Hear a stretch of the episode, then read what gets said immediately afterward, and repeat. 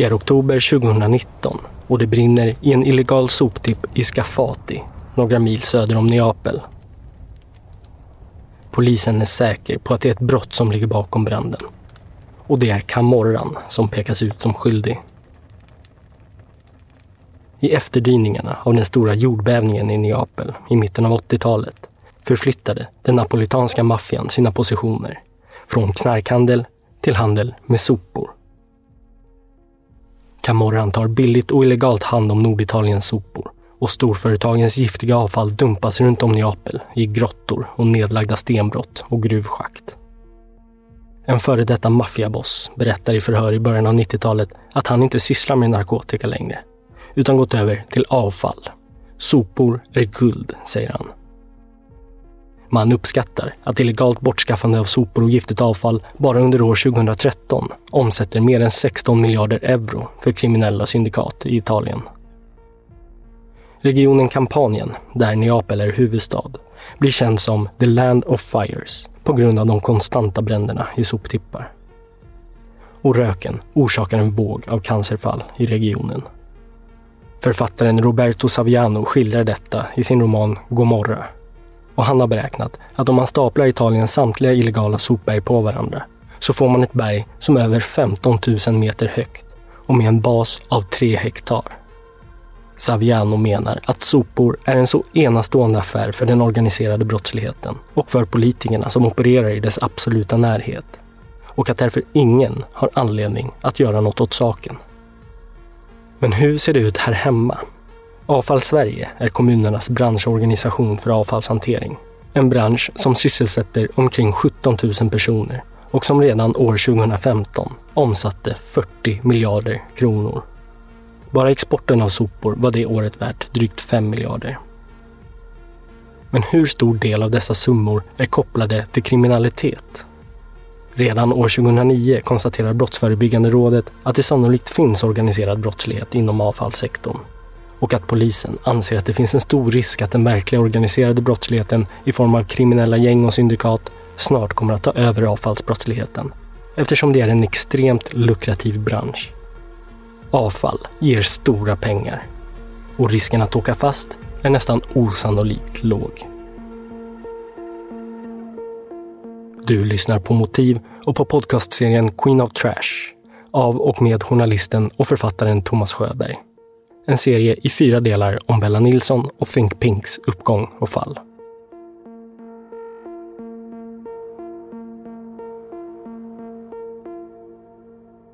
I mars 2017 meddelar polisen i nordvästra Skåne att man påbörjat en kartläggning av organiserad brottslighet i avfallsbranschen och konstaterar att efter narkotika och vapenhandel är just avfall det område där kriminella ser stora möjligheter att skapa lönsamhet. Det handlar om begagnade datorer och mobiler, skrot, metall, blybatterier, kylskåp, uttjänta fordon och delar till fordon. På ett riksomfattande plan är det NOA, Nationella operativa avdelningen, det vill säga gamla Rikskriminalen, som ansvarar för kartläggningen av kriminella nätverk som bryter mot miljölagstiftningen. Ett antal myndigheter ska från och med nu samverka för att komma åt miljöskurkarna.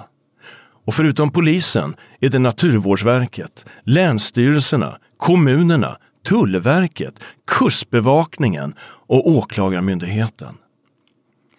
Det är med andra ord en massiv upptrappning på gång. Vi har tillsammans med Ekobrottsmyndigheten goda kunskaper om dessa aktörer. Linda H Staff, underrättelsechef på NOA, säger till TV4 att polisen nu vill få större möjligheter att berätta för kommunernas miljökontor när personer från kända brottsliga kretsar vill starta avfallsverksamhet. Vi ser ett behov av att vi ska kunna dela med oss mer av den här informationen, polisens underrättelsetjänst, mot tillsynsmyndigheter. Vi kommer aktivt att jobba i den riktningen för att försöka dela med oss mer information. Ministrar kommenterar vanligtvis inte enskilda ärenden utan föredrar att uttala sig generellt om till exempel miljöbrott. Men det är som om fallet med Bella och Think Pink uppfattas som så provocerande att den principen inte gäller.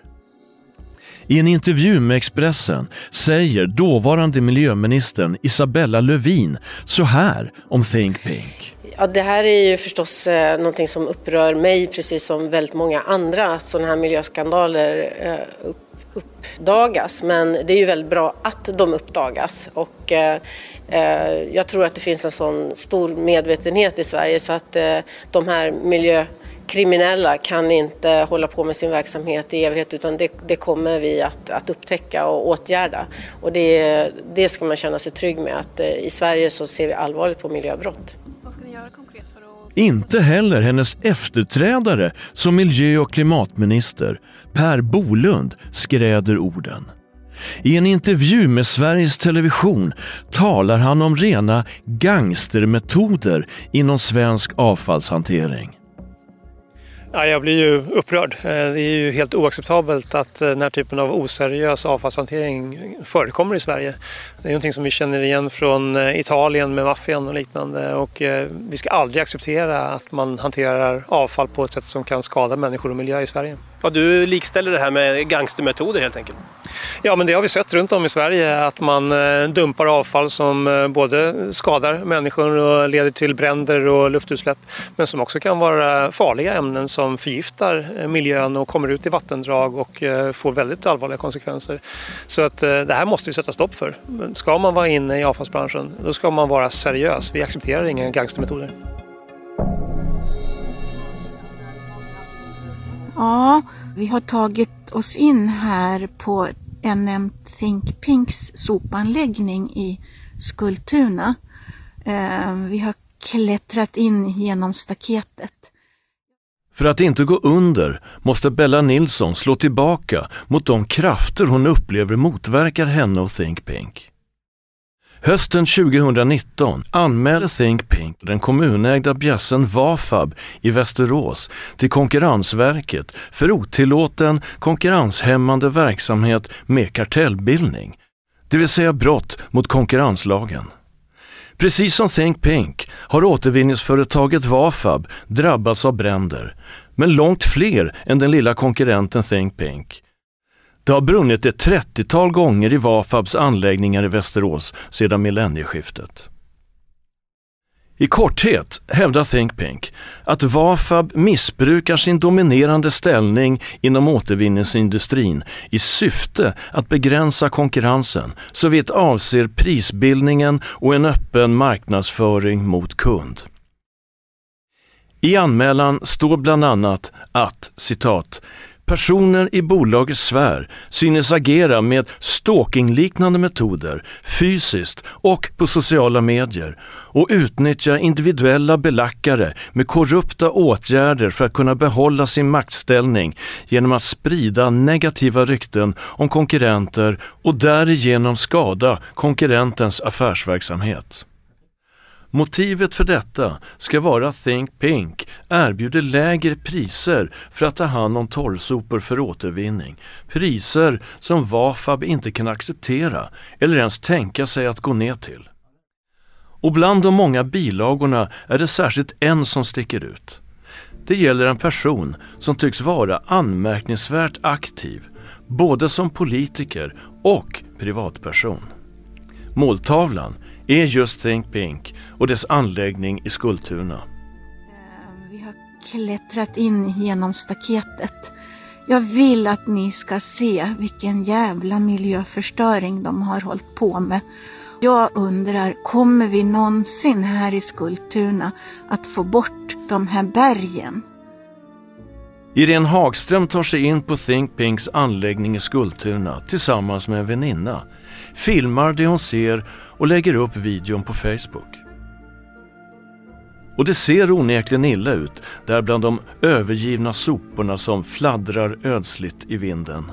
Det är helt otroligt. Det är bara nermalt och ligger i stora, stora högar. Ja, ni ser ju den här muren här med skit. Det är bara en del utav alltihopa och den är säkert minst tre meter hög. Vi känner oss som miljöpoliser här men vi, vi tycker att det är viktigt att ni alla ska få se hur det ser ut. Irene Hagström har goda försänkningar i det kommunägda återvinningsföretaget Vafab. Hon har varit moderat ledamot av direktionen för bolaget och är själv boende i Skultuna. Både i egenskap av folkvald politiker i kommunfullmäktige och som privatperson agiterar hon mot Vafabs konkurrent Think Pink. Hon kräver att lagen ska skrivas om så att det blir lättare att komma åt det citat eländiga miljöbrott slutcitat som hon anser att Think Pink begått i sin avfallsanläggning i Skultuna. På Facebook uppmanar hon boende i Skultuna att rapportera misstänkt verksamhet hos Think Pink. Att någon till exempel arbetar efter tillåten öppettid eller att man fyller på mer avfall. Det bästa är då att ni rapporterar till mig, skriver Irene Hagström och lämnar den e-mailadress hon har som politiker. Och fortsätter. Jag försöker allt vad jag kan för att påverka genom att jag sitter i fullmäktige. Anna Tunnell, som är ordförande i miljö och konsumentnämnden, är nu väldigt väl insatt i frågan och släpper inte detta. Vi hjälps åt att sparka från båda hållen. Jag behöver hjälp av er om ni ser något mystiskt som pågår. Hon skriver att Think Pink polisanmäls för miljöbrott och att det ser ut som att företaget kommer att bli dömt för detta. Blir förhoppningsvis kostsamt för företaget, tillägger hon och fortsätter. Vi måste på något sätt få bort denna tipp. Bra att många är engagerade. Är riktigt frustrerad över den nonchalans ni mött på miljö och hälsa. Det här skriver jag inte i min roll i kommundelsnämnden utan som privatperson. Vi kanske måste göra en Greta för att all press ska vakna. Engagera några klasser på skolan att stå utanför med plakat. Stoppa miljöförstöringen i vårt Skultuna. Sända pressreleaser till varenda tidning för att få uppmärksamhet för denna bedrövliga verksamhet. Förslaget måste komma från några ungdomar som engagerar sig.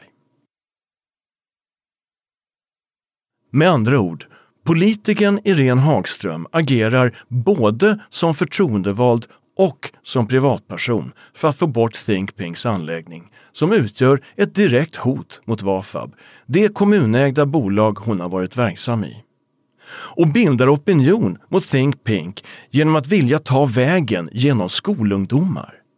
Dessutom föregriper hon en rättslig prövning genom att påstå att Think Pink kommer att förlora den. Jag ringer upp Irene Hagström för att fråga hur hon ser på sina båda roller. Att både politikern och privatpersonen Irene Hagström för en kamp mot Think Pink. Ja, men jag bor ju i Skultuna också så det är ju inte så konstigt att jag agerar på två håll och sen är jag politiker i Skultuna kommundelsnämnd. Vi såg ju naturligtvis hur lastbilar körde i skytteltrafik ut till Skultuna med en massa skit. Ja. Och de hade bara någon slags anmälningsplikt eftersom det nu skulle röra sig om sopor som vägde under 10 000 ton som de hade uppgivit. Men vi förstod ju att det var mycket, mycket, mycket mer än så. Ja, och, och sen började ju hela det här eländet med branden som var i februari 2019 och vårat hur vi har liksom legat på miljö och hälsa. Och, ja, jag har väl skrivit till varenda myndighet som finns tror jag. Även till tidningen Dagens Industri som gav dem Gasellpriset. Mm, mm. Och det är ju helt otroligt.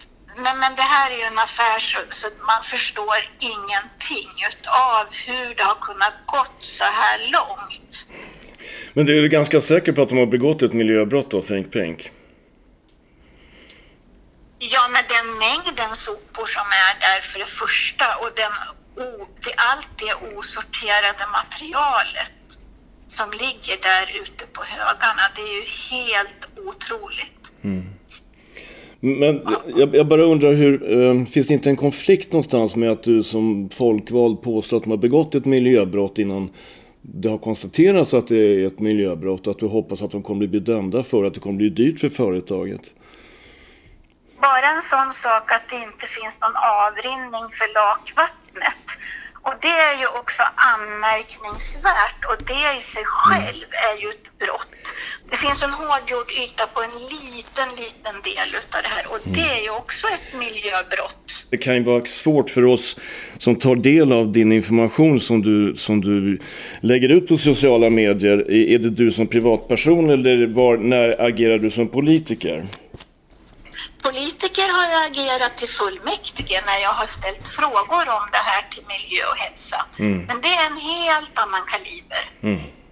Det, har, det, här materialet som jag filmade då, det har, vi, har jag inte visat i politiska situationer annat än som privatperson.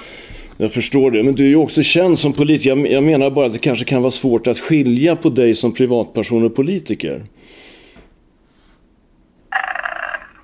Du ser ja, inte att det, det kan finnas en konflikt i där? Nej. Nej, det tycker jag inte. För sån, sån känd politiker är jag verkligen inte.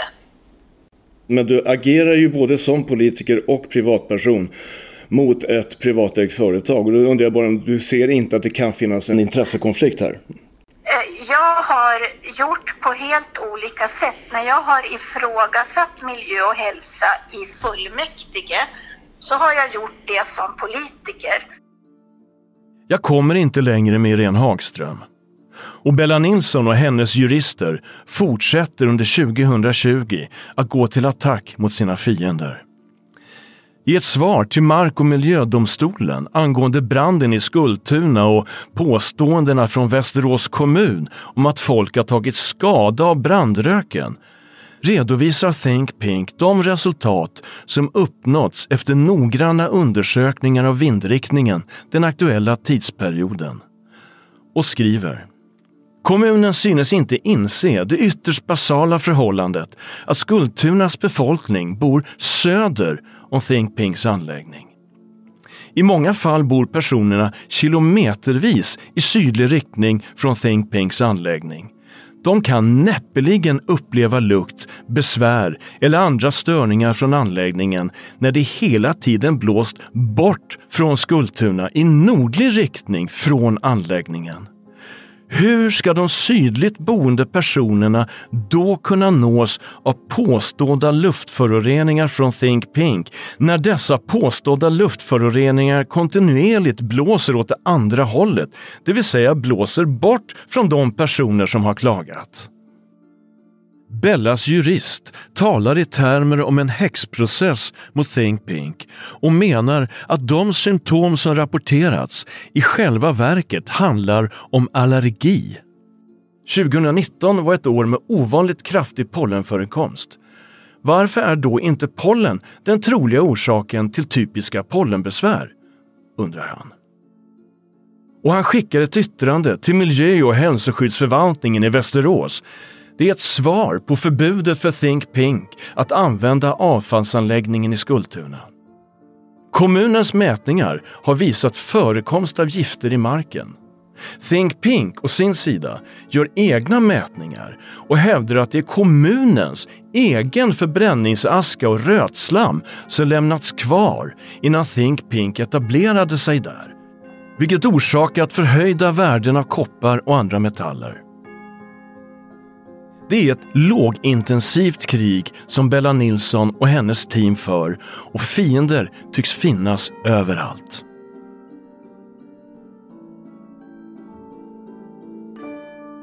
Jag är ute efter att få rättvisa mm. för inte. Förstår du? Mm. Rosa, ingen trodde på Rosa. Jag mm. ledde Stockholm och älskade Pink. Det gjorde jag. Jag ändrade på mitt liv helt. Mm kom jag till räddningsbranschen, grundade någonting ingen trodde om. Men det fanns en baksida av det Thomas, det är korruption. I lagens namn, har klubbar, mutor. Mm. Och jag har, dem, jag har bevis på att de har gjort miljöbrott mm. gång på gång. Ja. Det, jag är inte ute efter att tjäna pengar, jag tjänar mm. mina pengar ändå. Jag är, men jag är ute efter att sätta dit orättvisa och korruptionen. Det, det. Vi träffas för första gången sent i augusti 2020. Bella har bokat ett gigantiskt konferensrum på Radisson Blue Waterfront Hotel mitt i Stockholm och med en fantastisk utsikt över Riddarfjärden. Hon bor där när hon är i Stockholm eftersom hon inte törs vara hemma av rädsla för sina fiender. Jag har sällskap av min kollega Anders Nyström och en skicklig researcher för att få deras bedömning av karaktären Bella Nilsson och det hon berättar. Vi har hela konferenssalen för oss själva och Bella bjuder på en generös lunchmeny.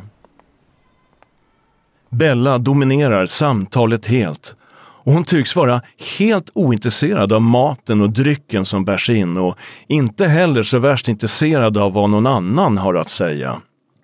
Det är som hon inte har tid att göra något annat än att prata på i högt tempo om hur hela världen tycks ha gattat ihop sig mot henne. En stackars ensam kvinna från Iran som försöker överleva i en mansdominerad bransch. Vi pratar om planerna på att göra en dokumentär om henne och Think Pink. Och Bella är villig att skriva ett letter of intent, alltså en avsiktsförklaring, för sin medverkan. Vi skiljs åt och bestämmer att höras snart igen. Under tiden kollar jag upp två av Bellas påståenden bara för att testa hållbarheten i något av allt hon kastar ur sig och som kan låta väl konspiratoriskt. Hittills har hon ganska övertygande pläderat för sin sak men stämmer det verkligen att Västerås kommun är korrupt och inte släpper in konkurrerande företag i Mälardalens avfallsbransch? Och den här polismannen, finns han på riktigt? Och är han verkligen ute efter att skada Bella och Think Pink? Och det är när jag ser dokumentation från Konkurrensverket daterad 2015 som jag inser vidden av det Bella påstår om Västerås kommun och dess avfallsbolag Vafab. Kommunen har under tio års tid helt struntat i lagen om offentlig upphandling genom att ensidigt, utan att ta in andra offerter, gett samtliga avfallsuppdrag till det egna bolaget Vafab. Dessa så kallade direktupphandlingar har flera gånger underkänts av domstolar när målet har överprövats. Men kommunen har helt enkelt struntat i det och år efter år fortsatt bryta mot lagen om offentlig upphandling. Och det är inga småsummor det rör sig om. Avtalet mellan Västerås och det egna avfallsbolaget är värt mer än en miljard kronor under en 20-årsperiod och Konkurrensverket kräver nu 10 miljoner kronor i böter för otillåten direktupphandling. Jag börjar förstå varför kommunen och Vafab inte ville ta in Think Pink i sin region som sträcker sig över hela 12 kommuner i Mälardalen. Vilket kanske också förklarar det kraftiga motståndet mot Bella Nilsson från såväl privatpersoner som kommunala tjänstemän och förtroendevalda. Detta i kombination med politikern Irene Hagströms agiterande mot Think Pink ser alltså ut att bekräfta Bellas prat om korruption på hög nivå. Har du några fiender, Bella? Ja. Kommunkonkurrenten är min fiende. Det är det. Inte de andra konkurrenterna på samma sätt alls. Utan det är kommunkonkurrenten, konkurrenten för att kommunerna har makten att förstöra bolagen för en. Och i ett av våra samtal passar jag på att fråga om denna mystiska polisman som Bella påstår förföljer henne. Vem är han egentligen?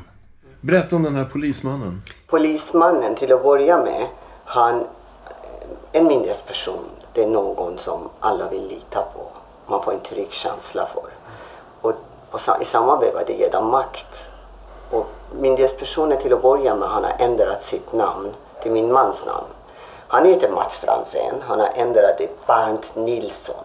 Min man heter också Bernt Thomas Nilsson. Bara där är stocken. Av alla namn ska han ändra sitt namn till min mans namn. Förföljd mig, filmat mig, varit på våran gata, på våran tipp. Han har, vi, har, vi har film som visar att han filmar oss gång på gång och försökte att påstå att vi gör miljöbrott. Det har vi inte. På dagtid sitter han hos polisen, på kvällstid och helgerna terroriserar oss på heltid och väldigt kontinuerligt och det påvisar att han har arvode. Och eh, han har i sin tur har skaffat anhängare som har börjat terrorisera bolagen varje vecka. De har gjort allt mellan photoshoppa mitt ansikte, mina läppar, kalla mig dumma utlänning, idiotkärringen, att jag är hjärndöd. Allt. Jag har stått fula ord, mejlat med att jag ska bli våldtagen om jag kommer till jobbet och drar i mitt hår och ska bli våldtagen av kararna. Och det har varit så extremt mycket hot och terror senaste fyra åren.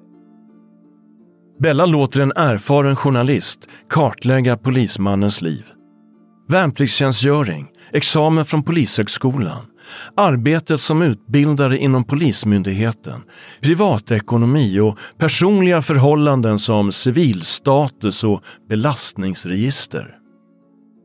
Och det är två omständigheter som gör polismannen intressant för Bella Nilsson och Think Pink. Det ena är misstanken att det i själva verket är han som är den Bernt Nilsson som på Facebook driver stark opinion mot Bella och Think Pink. Två av medlemmarna i den Facebookgruppen har ju också koppling till SRV, det kommunala återvinningsföretag som Think Pink legat i strid med. Men så är det den här övervakningsfilmen från en av Think Pinks anläggningar. Filmen är tagen i juli 2016. Klockan är 29 på kvällen och det är fortfarande ljust. Jag ser en bil köra in på anläggningen och två personer, en man och en kvinna, kliver ur, går runt på området och börjar ta bilder eller filmar. Uppenbarligen helt omedvetna om risken att fastna på film. Efter en stund sätter de sig i bilen och åker därifrån. En kontroll med fordonsregistret visar att bilen, en blå Ford Mondeo, tillhör polismannen. Och det är sannolikt också han som kör bilen den här kvällen. En månad senare, en ny övervakningsfilm visar tre män, av vilka två bär på ryggsäckar, som tar sig in på samma anläggning. Männen tar god tid på sig, ser ut att filma eller ta bilder och går fram till en av sophögarna. Efter en stund går de tillbaka och ut ur bild. Jag kontaktar både Bernt Nilsson, han med Facebookgruppen, och polismannen. Jag vill prata om deras starka engagemang mot Bella Nilsson och Think Pink och helst vill jag få till ett möte med dem båda, eller åtminstone ett trepartssamtal, för att kolla om de är en och samma person som Bella misstänker. Eller om de är två olika individer. Jag får till en början igång en dialog med dem i Messenger och jag pratar med polismannen i telefon vid ett tillfälle. Ja, det är Thomas. Hej Thomas! Vad bra att du ringer, toppen. Jo, men som jag skrev så gör jag en, en, eh, en podcast-dokumentär om Think Pink och allt det som har stått ens, ja, det senaste året kan man väl säga.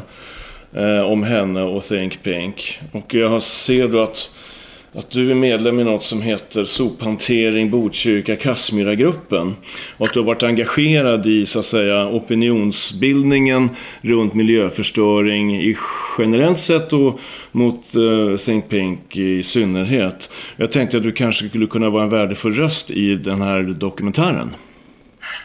Uh, mycket möjligt.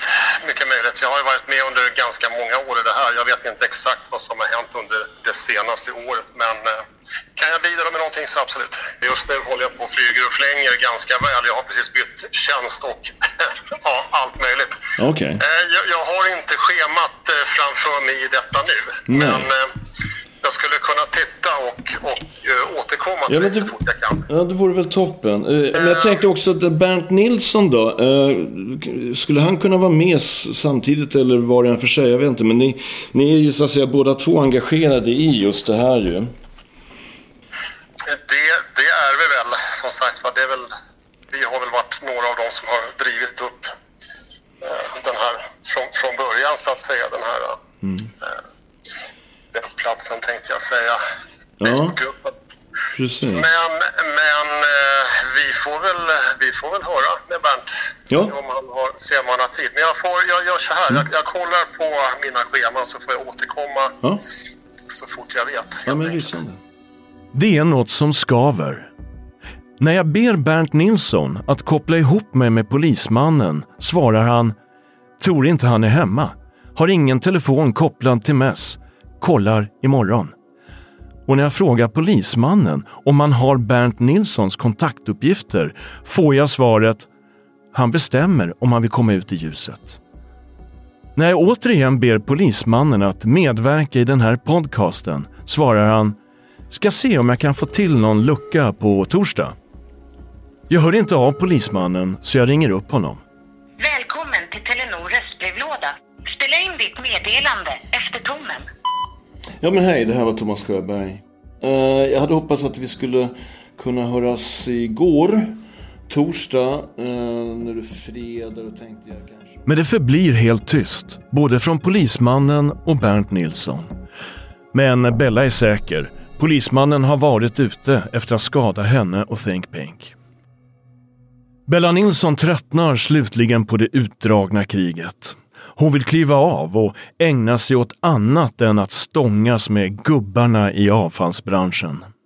Hon har bestämt sig för att sälja Think Pink och sommaren 2020 har hon äntligen hittat en resursstark köpare.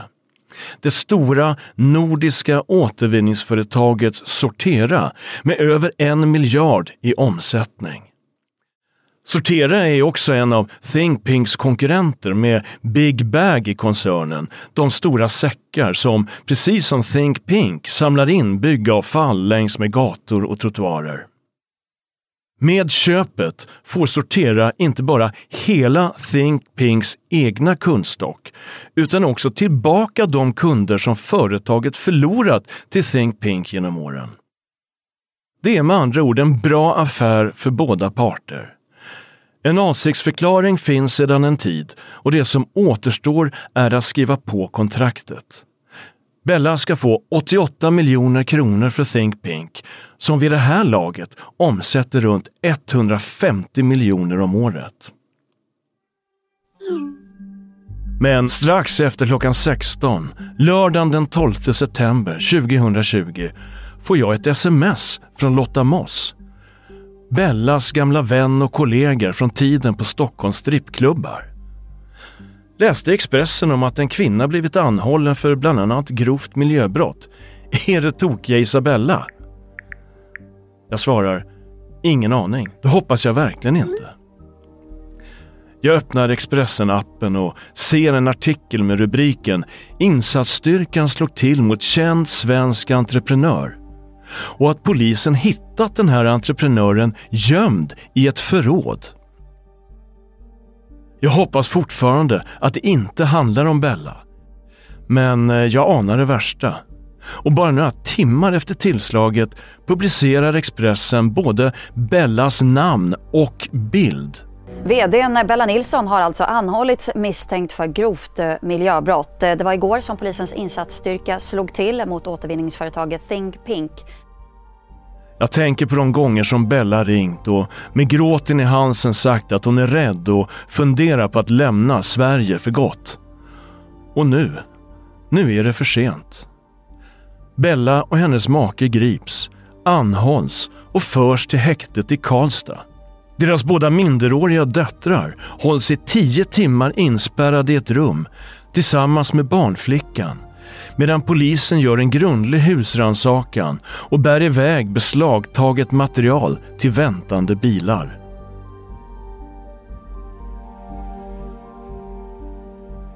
Bella blir över en natt symbolen för allt som är dåligt för miljön Bella har begärt och fått advokat Thomas Bodström som sin försvarare. Häktningsförhandlingen i Karlstad tingsrätt hålls bakom stängda dörrar och samtliga bilagor till häktningsframställningen är sekretessbelagda. Men det framgår att de grova miljöbrotten har begåtts under åren 2015 till 2020 på åtta olika platser. Exakt vad Bella och hennes make gjort sig skyldiga till framgår inte av häktningsframställan men eh, redan dagen efter tingsrättsförhandlingen kan Expressen berätta det här. Sopåtervinningskoncernen anklagas bland annat för att ha lagrat dubbelt så mycket avfall som tillåts utan att återvinna det. Istället ska soporna ha flyttats runt mellan olika anläggningar. Här i Botkyrka utanför Stockholm är sopberget enormt och överallt ligger de rosa säckarna med Think Pinks logotyp. Kvällstidningar, radio och tv rapporterar nästan dagligen om nya miljöskandaler som kopplas till det kaxiga Think Pink och dess färgstarka ägare. Och rubrikmakarna är inte nådiga mot Bella. Det är som om Bella plötsligt gått från stjärnstatus till att vara samhällets fiende nummer ett. Jag läser rubriker som Ny anmälan mot Think Pink, miljöfarligt avfall i anläggning. Grannarnas rädsla för Think Pinks miljöfarliga sopberg. Enorma betonghögar kopplas till Think Pink. Think Pinks sopor dumpade längs vägen efter skandalen. Think Pink-soporna kan förgifta dricksvattnet. Tungmetaller i sopberg utanför Stockholm. Det är måndagen den 14 september och det har bara gått två dagar sedan Bella greps. Jag får tag i Bellas jurist och vi kan kalla honom Peter. Jag känner då inte till hans bakgrund. Jag vet bara att Bella har uttryckt stort förtroende för honom och hans kunskaper. Nu har ju hänt saker och jag är lite orolig för vad, vad hon har råkat ut för. Kan, kan du uppdatera mig? Ja, de har anhållit henne och eh, jag har ingen aning vad de håller på med. Mer än att jag vet att de har hållit på med den här häxjakten mot Bella väldigt, väldigt länge. Och att jag då har ju naturligtvis eh, gjort det säkert besvärligt för framförallt Västerås och ett par andra kommuner. Vi ska visa så att säga från Bellas sida att, det, att, att verksamheten inte är miljöfarlig. Men, men den är ju enkel, det är bara att byggavfall är ju inte miljöfarligt. Och påstår de att det finns någonting annat där, ja då får de ju visa det. Alltså lite höga halter i, i det här i Västerås, men det beror ju på kommunens aska som man har dumpat över hela fastigheterna som innehåller eh, högre halter av bly, nickel och annat att borde göra. Men det är ju inte hennes fel på något sätt. Nej. Men, vad, vad tror du ligger bakom den här ganska drastiska åtgärden då? Det är ändå en polisens insatsstyrka som en lördagmorgon... Eh, nummer ett, att de skickar dit insatsstyrkan det är bara för att försöka få en person som inte är dugg farlig och som man förmodligen har väldigt eh, tunna bevis emot att se farlig och hemsk ut inför domstolen och inför alla andra. Det finns ju ingen anledning att skicka en insatsstyrka till Bella och henne och liksom hennes man och barn. Och jag tror att helt enkelt på något sätt så vill de klämma åt henne och jävlas henne. Det Peter säger är intressant. Att de enda sopor som Think Pink hanterat är ofarligt byggavfall. Men han är som sagt hennes jurist och det är ju hans jobb att försvara sin klient. Hej och välkommen till NMP Think Pink. Jag ringer Think Pink för att höra hur det låter när växeln svarar på frågor om det som hänt. Och det har nu gått fem dagar sedan Bella greps. Eh, jag, hej, jag tänkte bara höra vad är det som pågår hos er egentligen? Jag läser i tidningarna om Bella. Ja, vi vet inte så mycket i nuläget faktiskt vad som händer. Okej. Eh, Men eh, fortsätter ni verksamheten som vanligt? ja, det gör vi. Vi fortsätter verksamheten. Okej. Ja, men eh, har ni haft någon kontakt med henne eller hennes advokat? Eller vet ni någonting om vad som händer? Nej, vi vet inte så mycket i nuläget faktiskt. Okej, så ni kör på som vanligt? Ja, men det är bra att veta. Ja. Okej, tusen tack för det. Jag ringer hennes jurist igen. Vet Peter vad det är Bella egentligen ska ha gjort sig skyldig till? De åtta fastigheterna som nämns i häktningsbeslutet och som sannolikt är mark där miljöfarligt avfall dumpats. Har de ens med Think Pink att göra? Peter är säker på sin sak. Nej, inte med det hon är misstänkt för Nej. och anhållen för och sen häktad för. Har, de nämns inte överhuvudtaget. Men vad har hon med det här, med de här att göra då? Min uppfattning är att den här sekretessen och varför polisen, de läcker ju som såll ofta. Va? De har inte läckt någonting i det här fallet. Nej. Och det beror ju på att det finns ingenting att läcka. Här ser man inte ett ord. Nej, nej. Det här målet, inte ett ord. Det enda vi vet, det har ingenting att göra med egna anläggningar. Om det nu liksom är inte deras anläggning, hur tusan kan du veta om du har någonting som är giftigt eller inte miljövänligt i det en markägare själv har skottat igen? Varifrån kommer det då? Vem, vem, säg det va, det vet vi inte. Alltså bevisa varifrån det kommer, det tog ju bli ganska svårt. Det kommer visa sig att det tycks svårt att bevisa någonting överhuvudtaget när det gäller det grova miljöbrott som Think Pink misstänks ha utfört. Åren går och åklagaren verkar aldrig väcka åtal. Men bara själva häktningen i sig ledde till att Bella och hennes Think Pink helt och hållet försvinner från marknaden. Och kanske räcker det för att alla ska känna sig glada och nöjda. Anledningen att de kommer häktade oss eh, för att de vill sappa för bolaget helt enkelt och sappa framför allt det här köpet. Men menar du att dina konkurrenter, dina fiender har fått polisen att gripa dig och en åklagare att åtala dig? Absolut, jag menar precis det. Queen of Trash är en samproduktion mellan Current Affairs och Tall Tale. Producerad av Thomas Sjöberg, Anders Nyström och Niklas Runsten. Exekutivproducent Nils Bergman. Ansvarig utgivare Jonas Häger. Tack för att ni har lyssnat.